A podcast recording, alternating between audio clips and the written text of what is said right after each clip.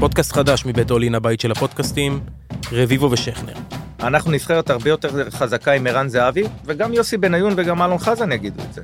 חיים רביבו ולירן שכנר, עם פודקאסט שכולו ספורט. הלינק בתיאור הפרק.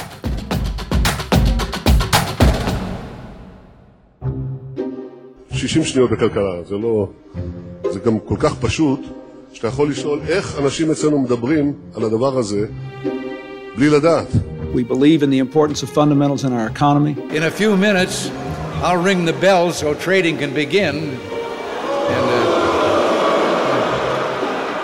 השור והדוב, עם גת מגידו, מבית אול אין, הבית של הפודקאסטים. שלום לכולם, ברוכים וברוכות הבאים לפרק נוסף של השור והדוב, פודקאסט הפיננסים ושוק ההון מבית אול אין. אני גת מגידו, שמחה מאוד להיות פה עם האוזניות והמיקרופון גם היום. אני המון שנים בשוק ההון, בעברי הייתי מנהלת ההשקעות הראשית של פסגות, וכיום אני שותפה ומנכ"לית של בית ההשקעות פינסה קפיטל. אז מה תכננתי לכם היום? זה הולך ככה. אם אתם זוכרים, את הפרק הראשון של השור והדוב, אי שם לפני כמה חודשים, בחרתי לפתוח עם אה, חנן שטיינהרט, ולשוחח על אה, תולדות הכסף, על ההיסטוריה של הכסף, מהפרדת ההצמדה של הדולר לזהב, ועד ימינו אנו, עם רמות שיא של חוב ואתגרים מוניטריים לא פשוטים בכלל. אז היום, אה, במין המשכיות אה, שבעיניי אה, טבעית והכרחית, הזמנתי את אה, בן סמוכה, מייסד קריפטו ג'אנגל ומדברים קריפטו. אהלן בן. היי היי, מה העניינים?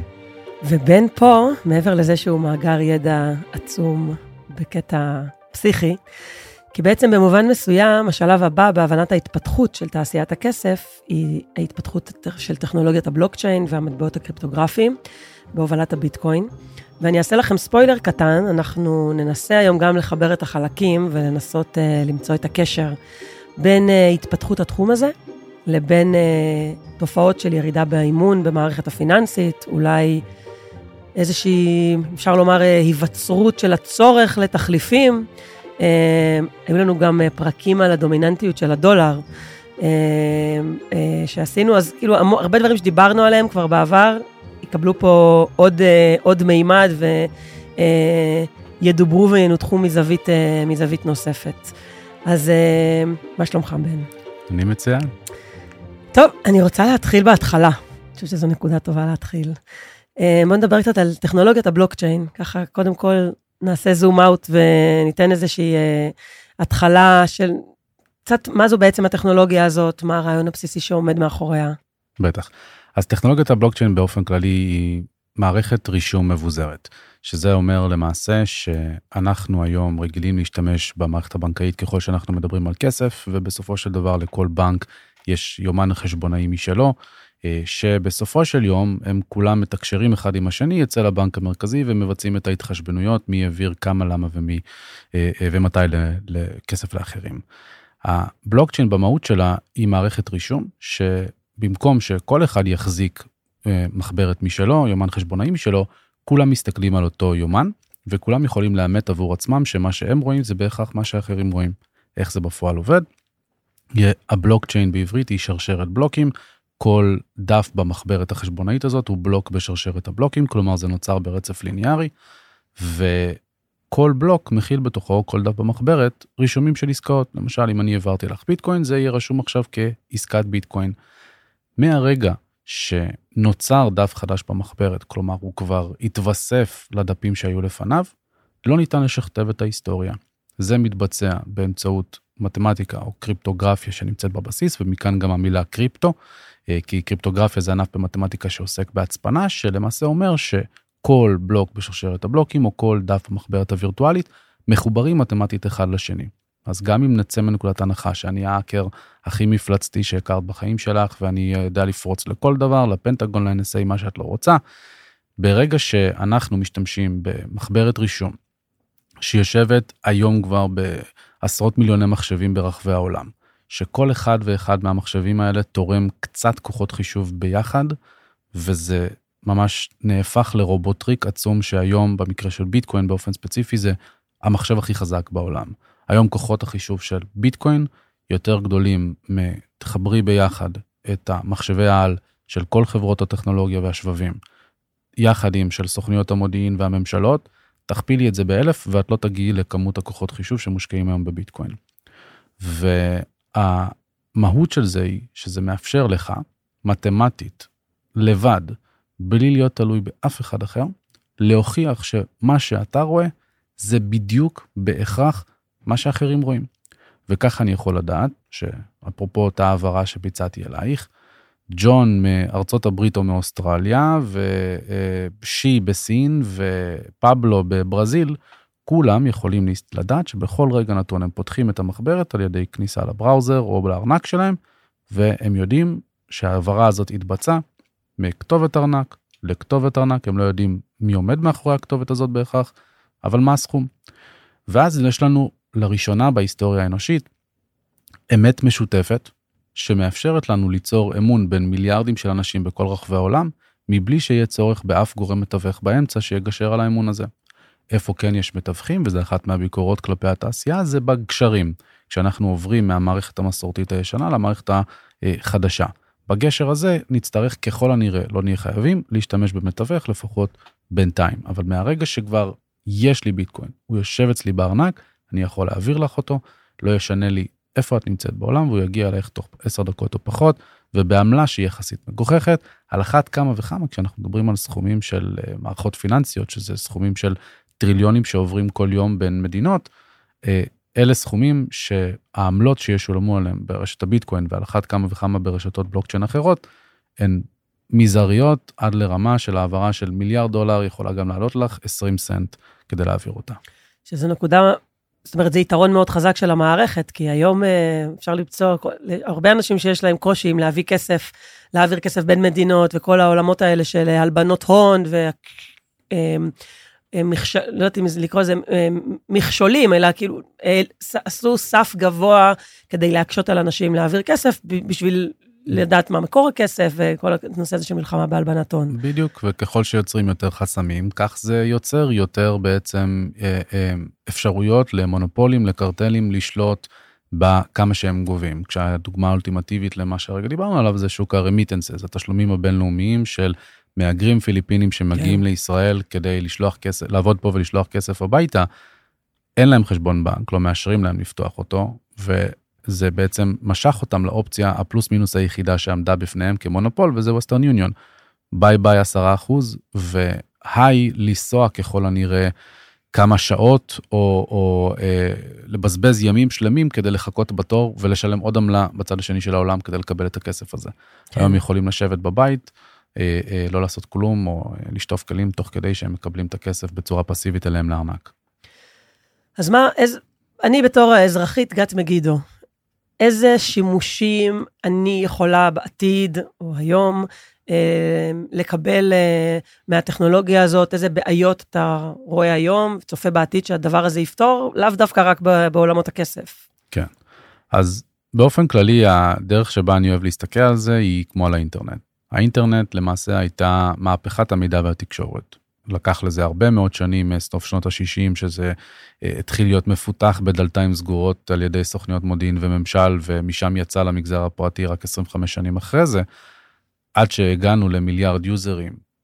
גם אז לא הבנו עד כמה מפלצתי האינטרנט ומה הוא יכול לאפשר לנו, כמו השיחות שאנחנו מקיימים עכשיו ויכולים לשדר אותם לעשרות אלפי אנשים ברחבי הארץ, אם לא יותר מזה, וכמובן גם ברחבי העולם. אז האינטרנט בעצם אפשר לנו לעצב מחדש את המידע ואת התקשורת ואיך אנחנו מעבירים את זה אחד עם השני, וכתוצאה זה הציף הרבה מאוד ערך. אני טוען שטכנולוגיית הבלוקצ'יין היא למעשה האינטרנט של הערך או של הכסף. כלומר, היא מעצבת מחדש את כל מה שאנחנו מכירים על איך ערך עובר, לא רק במרחב הדיגיטלי, ששם זה לחלוטין מבחינתי מובהק, אלא גם במרחב הפיזי, כי, כי הולכים להיות הרבה מאוד קשרים וסינכרונים כפי שאנחנו רואים שמתקיימים כיום. אני בדרך כלל מחלק את זה לשלוש, אה, לשלושה דברים. הראשון זה ה-payments. דיברנו על אה, תשלומים בינלאומיים, אה, דיברנו על שימוש בביטקוין ומטבעות דיגיטליים בתור כסף שאני יכול לשלם היום לספקים בפייבר בביטקוין, אני יכול לשלם היום באמצעות פייפל בביטקוין ומטבעות אחרים לאנשים מכל רחבי העולם ובעצם להשתמש בזה בתור מטבע.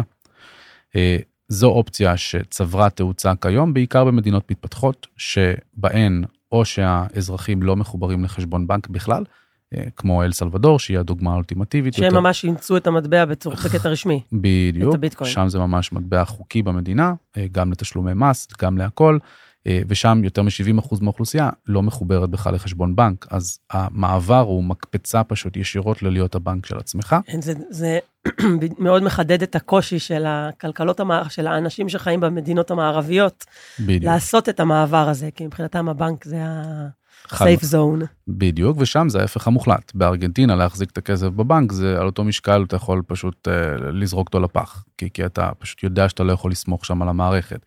אז אלה המדינות, ניגריה, וייטנאם, טורקיה, אלה שסובלות או מאינפלציה אה, קבועה וקונסטינטנטית, אה, אה, שזה כארבעה מיליארד אזרחים של העולם, או שהם לא מחוברים בכלל לחשבון בנק, שזה שני מיליארד מאזרחי העולם. אה, זה המרקט המרכזי לזה, כשבגלל שאנחנו במערב מפותחים, מתקדמים על אחת כמה וכמה עם האינטרנט ורשתות התקשורת, אנחנו פחות רואים את זה בתור ה-use case, ה-killer use case שיגיע אלינו. איפה זה כן מתחיל לדבר אלינו יותר ב-use case השני, שזה העניין של הרזרבה. הרזרבה מדבר הרבה יותר על ביטקוין כ asset class, שיושב ראש ה Federal Reserve בעצמו אמר בעדות תחת שבועה בסנאט האמריקאי, ביטקוין נתפס היום כזהב דיגיטלי על ידי משקיעים. לארי פינק, מנכ"ל BlackRock, שנדבר עליהם בהמשך, הגוף הפיננסי הגדול ביותר בעולם, שמנהל קרוב לעשרה טריליון אה, דולר assets under management, קרא לביטקוין לפני אה, חודשיים, ביטקוין is an international uh, uh, asset uh, that serves as an inflation hedge against monetary policy by central banks. כלומר, זה די מדהים שהם אומרים את זה. חד משמעית, זה מאוד מאוד מדהים, ממש גידור כנגד מדיניות מוניטרית של בנקים מרכזיים והאופן שבו ממשלות אה, מנהלות את הכסף שלהם.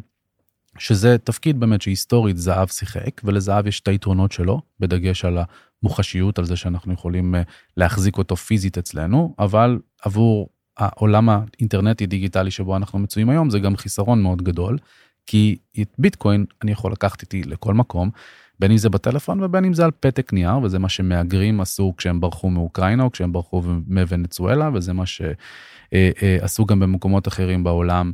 אה, אה, כשהיו צריכים את זה, כשפתאום הצורך הזה להחזיק את ההון שלך אצלך, אצ, אצלך היה משמעותי.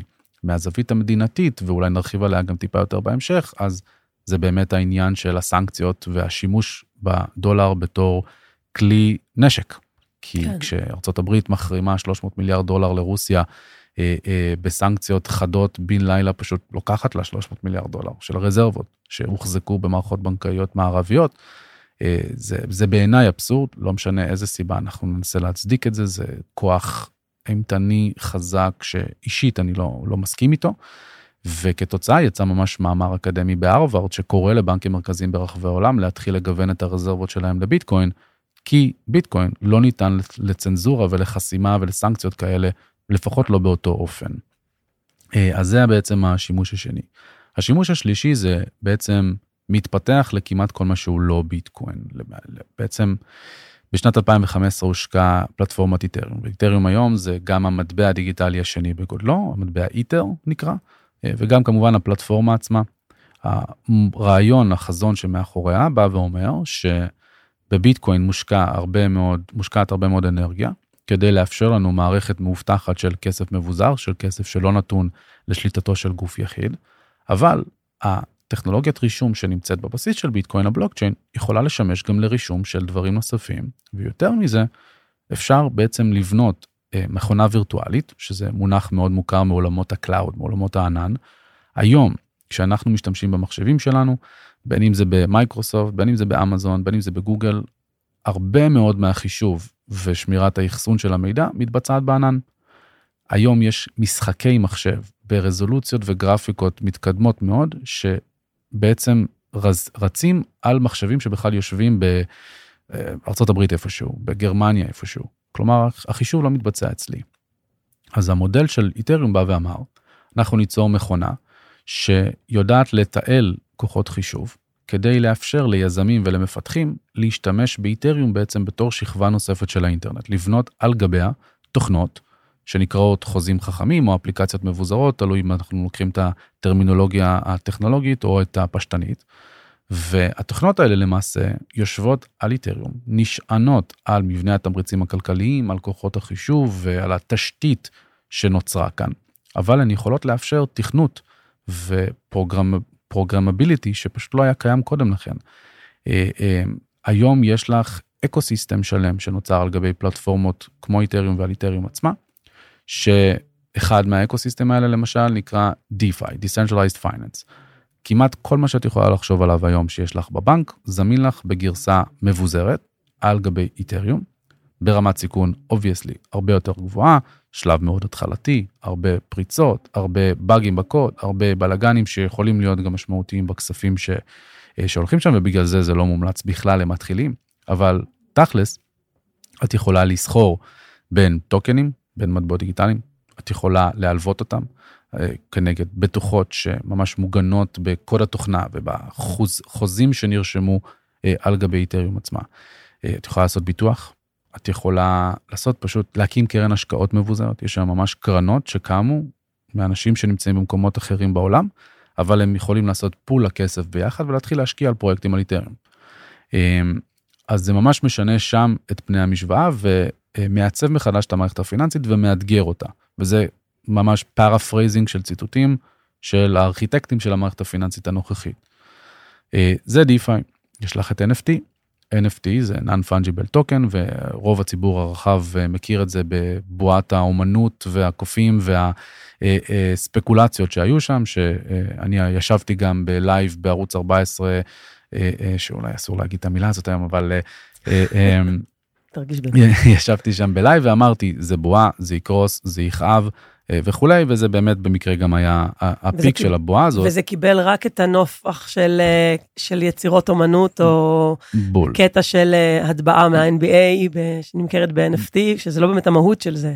בדיוק. זה אולי שימוש, אבל זה לא ה... נכון, המהות של זה היא פשוט היצירה של הנדירות הדיגיטלית שהיא חצתה מגבולות המטבע, כי הנדירות הדיגיטלית הוצגה על ידי ביטקוין, שאנחנו יודעים שהולכים להיות 21 מיליון מטבעות, אנחנו יודעים מתי הם ייווצרו, איך הם ייווצרו, מתי תהיה החצייה, כל האירועים האלו. הנדירות הדיגיטלית זה בעצם, אני רק רוצה לחדד את הנקודה הזאת, זה העניין הוא שכל, בביטקוין אנחנו נדבר על זה גם העניין של מגבלת המטבעות, אבל בעצם שיש אחד, נכון? הרי יש בזה משהו קצת, אחד. חושב על זה מעט, קצת אידיוטי, יש לך במחשב יצירת אמנות ב-NFT, אוקיי, זה המקור. כן. אבל מה שעומד מאחורי זה, זה התעודת זהות. נכון, הוכחת הבעלות. הוכחת הבעלות, תחשבי על זה כן. שאת יכולה להיכנס בלפטופ שלך, ואת יכולה לחפש מונליזה בגוגל, ואת יכולה לעשות control P ולשלוח את זה למדפסת, לתלות את זה בבית, ויש לך מונליזה תלויה בבית.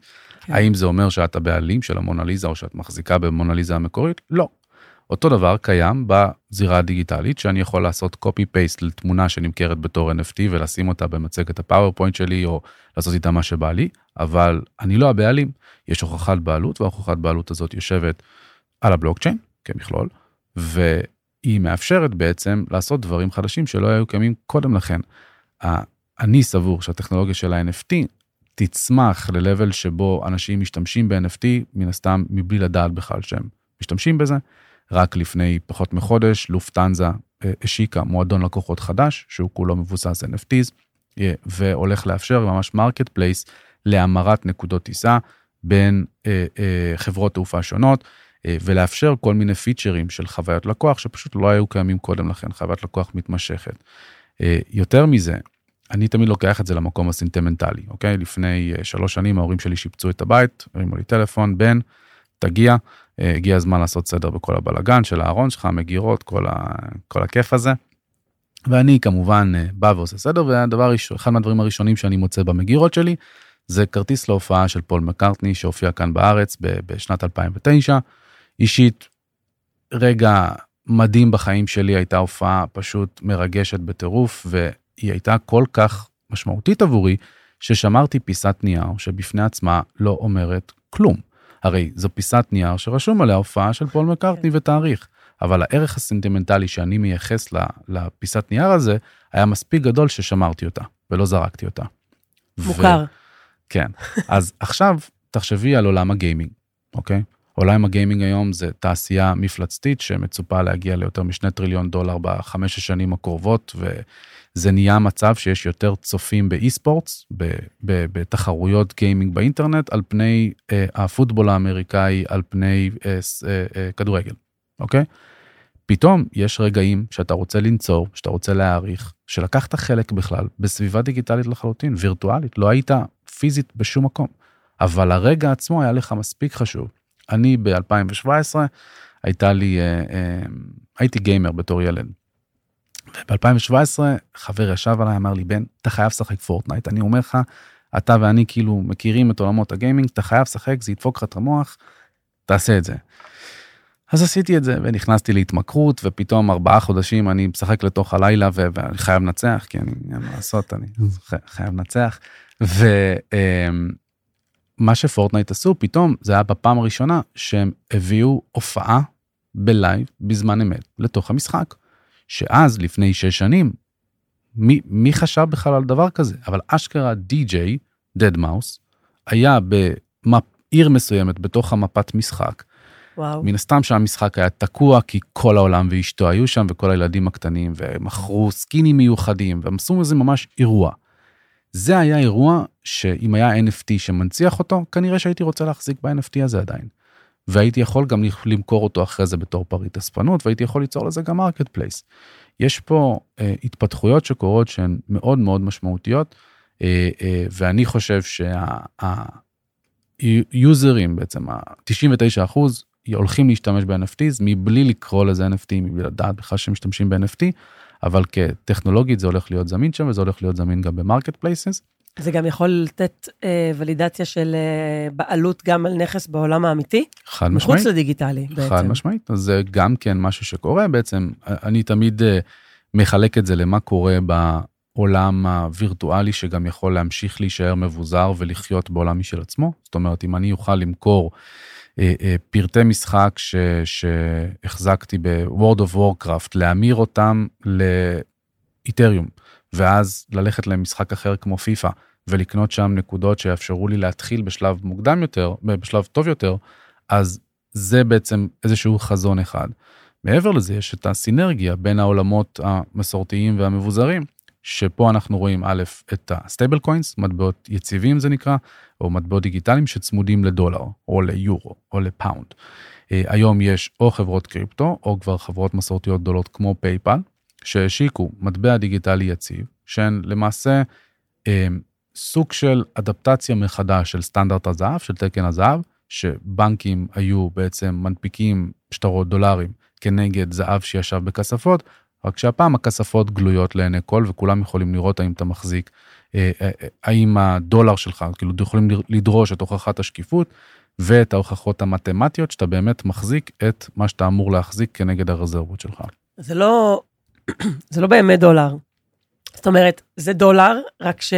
דולר סינתטי. יש, בדיוק, אבל יש גוף שמראה לך שהוא באמת מחזיק ב... זהב כנגד. נכון. ומנטרל את הסיכון הזה של אה, שאין באמת הצמדה ב... ושהדולר בדיוק, הוא... בדיוק, אז הנה עכשיו אה, פייפל, אה, בדיוק את שבוע שעבר, הוציאה את הדוח שקיפות הראשון שלה, ששם היא מחזיקה 45 מיליון דולר ב-repos, בעסקאות אג"ח אמריקאי אצל הפדרל רזרב, ועוד מיליון וחצי דולר במזומנים כדי לאפשר המרות למי שצריך ולהיות נזילים. להיבטים האלה. אז זה דוחות שקיפות שאותם ניתן להצליב מול מידע אותנטי שאנחנו יכולים לאמת על הבלוקצ'יין ולראות שבאמת יש 45 מיליון uh, PYUSD שזה בעצם הסימבול של המטבע היציב הזה. עכשיו זה בעצם extension של מערכת הדולר. כי בארגנטינה, כדוגמה קלאסית שהרבה מאוד ישראלים מטיילים בה וחוו אותה על בשרם, יש שוק שער רשמי של אם את רוצה ללכת להמיר את הדולר שלך לפזו ארגנטינאי דרך המערכת הבנקאית, ואת תקבלי שם שער שהוא חצי ממה שאת תקבלי בשוק השחור. ובגלל זה גם ביטקוין, אבל גם stable coins צומחים מאוד בארגנטינה. כי פתאום אנשים יכולים לסחור בדולר, ב, לא במזומן, אלא מתוך הארנק שלהם, בלי שום מתווך בדרך, והם לא צריכים לעבור בכלל אצל הבנק. וזה פשוט צובר תאוצה בקצב מסחר, ואותו דבר קורה גם בטורקיה, אותו דבר קורה גם בווייטנאם. בעצם יש פה אימוץ מאוד מאוד גדול של אנשים, ש... אנשים פרטיים שרוצים להחזיק דולר, אבל דרך המערכת הקיימת לא הייתה להם את האופציה, או שאם הייתה להם את האופציה, גזרו אותם. היא הייתה עם מלא מגבלות וגזרו אותם. אבל רק תחדד לי את הנושא הזה של הזהב שעומד מאחורה, בעצם זה דולר שעומד מאחורה, זה לא זהב. אה, אוקיי, זה אוקיי. מה שלא הסתדר לי. לא, לא, זה אני אומר, זה מקביל לתקן הזהב. בתקן הזהב זה היה זהב. פה אה, זה הם מראים שהם מחזיקים דולר, בדיוק. כן, אבל אם סתם לצורך העניין, ערכו של הדולר עכשיו, הדולר יצא לאיזה מהלך היחלשות בעולם, זה קורה גם שם. כאילו, חד- זה- חד משמעית, אוקיי, כן, הבנתי. כן. סבבה. כן, פשוט זה דולר עכשיו שחי בעולם אחר. הוא בעצם זמין, כן, ברור, זמין לה- לך במערכת אלטרנטיבית. כאילו האלטרנטיבה זה מה, יחליטו שמנפיקים אה, דולר דיגיטלי, אבל לא יהיה שום דבר כנגדו, הם לא מדפיסי, אין להם את המדפסת של הפד. כן. אז אה, זה, זה לא רק זה, תחשבי שעכשיו, אה, לכאורה לארצות הברית יש 8,000 טון זהב שיושבים בכספות בפורט נוקס. אוקיי. למה לכאורה? כי מעולם לא בוצע אודיט חיצוני על הזהב הזה. האם ארצות הברית באמת מחזיקה בכזאת כמות זהב? אני חושב שבעשור הזה אנחנו הולכים לגלות, אגב, האם זה הולך לקרות. אה, האם היא באמת מחזיקה את זה. ומכיוון שזה המצב, אז בניגוד לזה, בבלוקצ'יין אתה יכול לראות. אתה יכול לראות כמה כסף באמת יש. ואם אתה מוסיף לזה את השכבות של הרגולציה, שהפייפל מפוקחים על ידי הניו יורק דיפרטמנט of Financial Services, ממש ברגולציה ה- כנראה הגדולה ביותר, הבכירה ביותר שאפשר לקבל היום. לדבר כזה, כי עוד לא העבירו חוקים ש, ש, שמגדירים stable coin ואיך לפקח על זה. אז היום השקיפות שניתנת היא כזאת שהיא פשוט באלפי אחוזים הרבה יותר גבוהה מאשר שקיפות של, אה, של הצמדה לזהב. אז דווקא בהקשר הזה, בוא נדבר רגע גם על הבעיות בטכנולוגיה. קצת, קצת אמרת את זה תוך כדי, אבל כל הסיפור הזה של אפשר לקנות ביטוח, הרי איך, איך, איך מטופלת גם עניין האבטחת מידע וגם העניין ה... ה- באיתריום נגעת על כמה שזה עוד פרוץ, ו, ו, ו, אבל בעולמות הביטקוין זה, זה כן. לא ככה. מצד שני, כן אפשר לגנוב, זה משהו שאני אף פעם, אפילו ברמה של, אה, של אני קצת רגע קופצת, גם הגופים שמנפיקים אה, אה, מוצרים פיננסיים מחכים, קרנות צה"ל על הביטקוין, ה-GPTC למשל, שלא לא היה שם ביטוח, זאת אומרת, גם קצת לדבר, אני אסדר את השאלה, גם קצת לדבר בכלל על הקונספט הזה של פריצה וגניבה של ארנק, איך אפשר לטפל בזה, וכל כן. מה שאפשר אה, להגיד אז, בנושא אז הזה. באופן כללי, פריצות לארנקים כמעט ולא קורות. כי לפרוץ לארנק, בעצם רוב הארנקים, לפחות הפופולריים ביותר, הם ארנקים קוד פתוח, הם עברו peer review על באמת מאות אלפי עיניים, אה, ניסו בין אם כדי להגן על הקוד ובין אם כדי לפרוץ אותו, ניסו להגן עליו. כן היו פריצות, האחרונה שבהם הייתה לפני מספר חודשים, שהאקרים צפון קוריאנים אה, אה, פרצו לארנק שנקרא אטומיק וולט והצליחו באמת לשים את, את ידם על לדעתי 30 מיליון דולר שהם הצליחו לגנוב למשתמשים. אבל פריצות לארנקים בצורה ישירה כמעט ולא קורות. מה כן קורה למשל, אז אה, אנשים פרטיים חשופים מאוד לפישינג, ל- ל- לקבלת אימייל. תעשה עכשיו משהו כי, כי אם לא תעשה את זה עכשיו אז יגנבו לך את הכסף אתה לא בטוח אתה לא זה ואז הם, הם גורמים לך מספקים את המידע. הם גורמים לך בעצם לשתף את המטבעות שלך, לשתף את הארנק שלך, ואז אתה נפרד מהכסף בגלל טעות אנושית שאתה עשית, לא בגלל אה, כן. מערכת... אה, זה קורה גם עם. חשבון הבנק של אנשים מסוימים. בדיוק, בדיוק, עם האשראי, עם הבנק וכדומה. אה, אז זה פקטור אחד. על גבי איתריום צריך לזכור שאנחנו היום בונים תשתית. תשתית חדשה לגמרי למערכת פיננסית שונה, שעובדת בצורה הרבה יותר שקופה, הרבה יותר נגישה, עם הרבה פחות חסמי כניסה, אה, אה, והיא חדשה. עכשיו, מי שבונה אותה, לפחות עד עכשיו, זה בעיקר אנשים טכנולוגיים ולא אנשים כלכליים. עכשיו אנחנו הרבה רואים את האקסודוס מוול סטריט לעבר חברות קריפטו ובלוקצ'יין. וכשאנחנו עושים את זה, יש פתאום הרבה מאוד וקטורים של התקפה שהם חדשים. ומהצד השני, יש הרבה מאוד ניסויים שמבצעים היום, על אף שיש מספיק אה, היסטוריה כדי להראות שהניסויים האלה לא יעבדו או לא יעבדו בצורה מספיק טובה, ובכל זאת מנסים את זה. אז המגוון של הבעיות שיכולות לצוף במהלך בניית התשתית והארכיטקטורה של אותן אפליקציות בסיס אה, שמשמשות לאותם מסחר, הלוואות, אה, אה, ביטוח וכדומה, אה, כולל בתוכו הרבה מאוד דברים שצריך לקחת בחשבון וצריך לעשות סטנדרטיזציה. איך הסטנדרטיזציה נוצרת? אחרי שעושים מספיק טעויות שגורמות לכך שמספיק כסף נגנב, יודעים איפה לשים את הדברים הנכונים כדי לגרום לכך שזה לא יקרה שוב. אנחנו עדיין בשלב הלמידה, וכשאנחנו עדיין בשלב הלמידה, יכול להיות באג בחוזה החכם, יכול להיות אה, אה, הונאה מאוד פופולרית בשנתיים האחרונות היא רק פול, משיכת שטיח, שזה למעשה אומר שמשיקים נגיד אפליקציה של בורסה מבוזרת, אבל האדמין, בעצם מי שיזם את הפרויקט, השאיר לעצמו איזושהי פרצה אחורית במרכאות, שהיא כן גלויה, אבל רוב האנשים לא מסתכלים על הדברים האלה. אה, שמאפשרת לו שבתנאים ספציפיים הוא יכול לקחת את כל הכסף שיושב בתוך החוזה החכם. אז אם הלוויתי למישהו דרך אותו חוזה חכם, או שכרתי מישהו דרך אותו חוזה חכם, אז הוא יכול פשוט לקחת את הכסף הזה. זאת הונאה שקורית.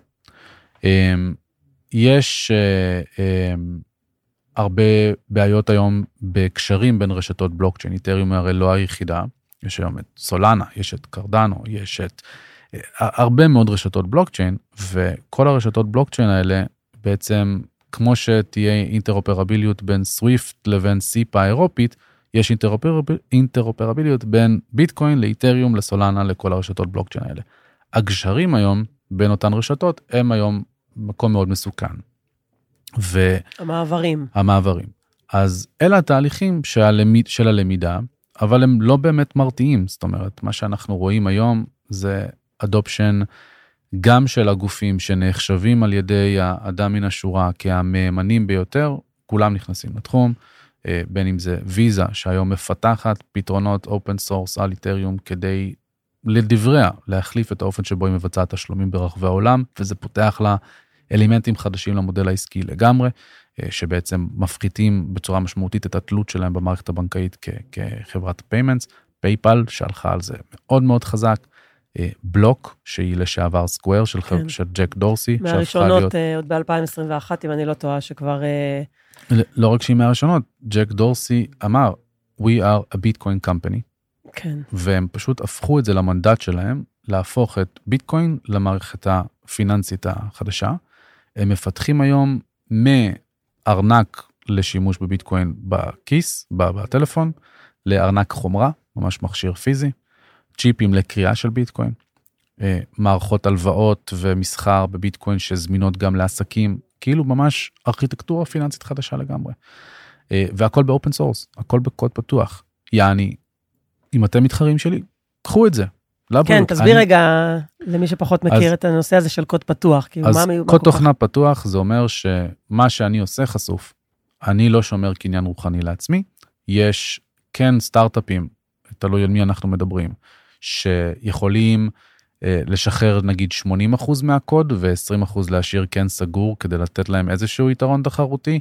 אה, יש כאלה שיציגו איזושהי מפת דרכים שאני עכשיו מפרסם את זה, אחרי זה אני מפרסם את זה, אחרי זה אני מפרסם את זה, גם כן כדי ליצור איזשהו buffer. אבל המודל של קוד פתוח בא ואומר, אם אני חושף בפניכם את כל ה playbook שלי, אתם יכולים לבוא ואתם יכולים לעשות אחד משני דברים. או שאתם יכולים לבדוק שמה שבניתי הוא טוב, הוא בטוח, הוא אה, מאובטח, הוא הכל טוב איתו, ואפילו לשפר אותו, להגן עליו, לשמור עליו, או שאתם יכולים לעשות לתקוף אותו. למה אני בין היתר כל כך מאמין בביטקוין? כי ביטקוין הוא open source code שזמין מה-3 בינואר 2009 בחוץ, בגיטאב, שזה אתר שמכיל בתוכו אה, אה, קוד פתוח. ועד היום כמות העיניים, כולל עיניים שמנוסות של האקרים, אפילו הצפון קוריאנים, המוסד, תחשבי על כל ההאקרים הכי טובים היום בעולם. שניסו טוקילית. אני מבטיח לך שהם ניסו טוקילית, אוקיי? והם לא יכולים. הם לא יכולים, בגלל איך שהמערכת הזאת בנויה והצורך שלה בשיתופיות.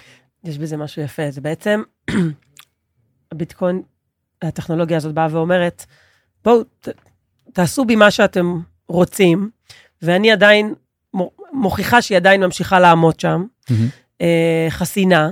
בשונה, אגב, מכל המערכת הפיננסית שאנחנו חיים בה, שיצא לי לא פעם להגיד בפודקאסט פה על החשיבות של האמינות של הפד או של בנקים מרכזיים, וכל האמירות שלהם שהם ישמרו על המערכת הפיננסית, גם כשזה אמירות שברור לנו שאין מספיק כסף כדי לשמור על המערכת הפיננסית, וזה מילים.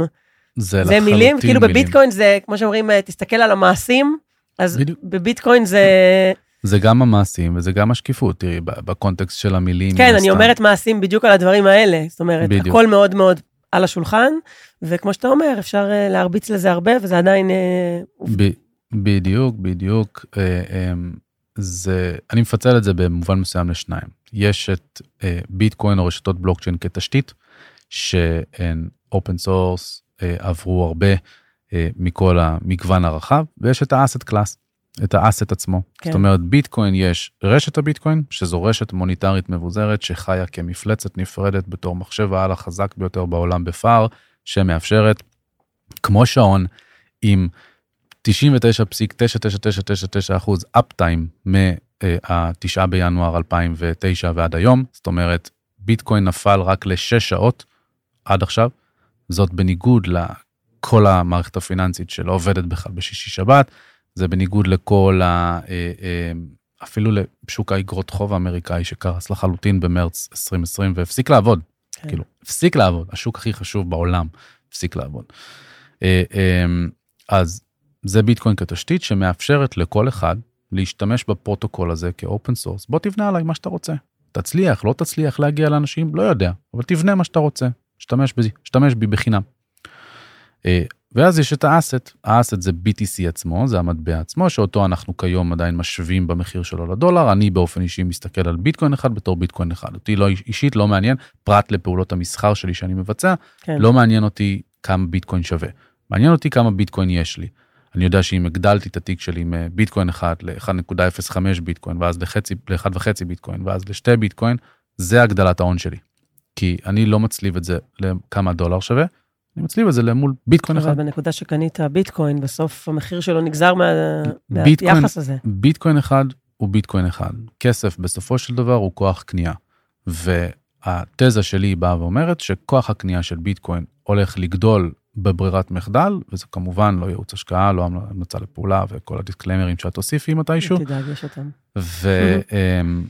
ומהצד השני, הדולר, השקל, היורו וכדומה, הם מתוכנתים לשחוק את כוח הקנייה שלהם.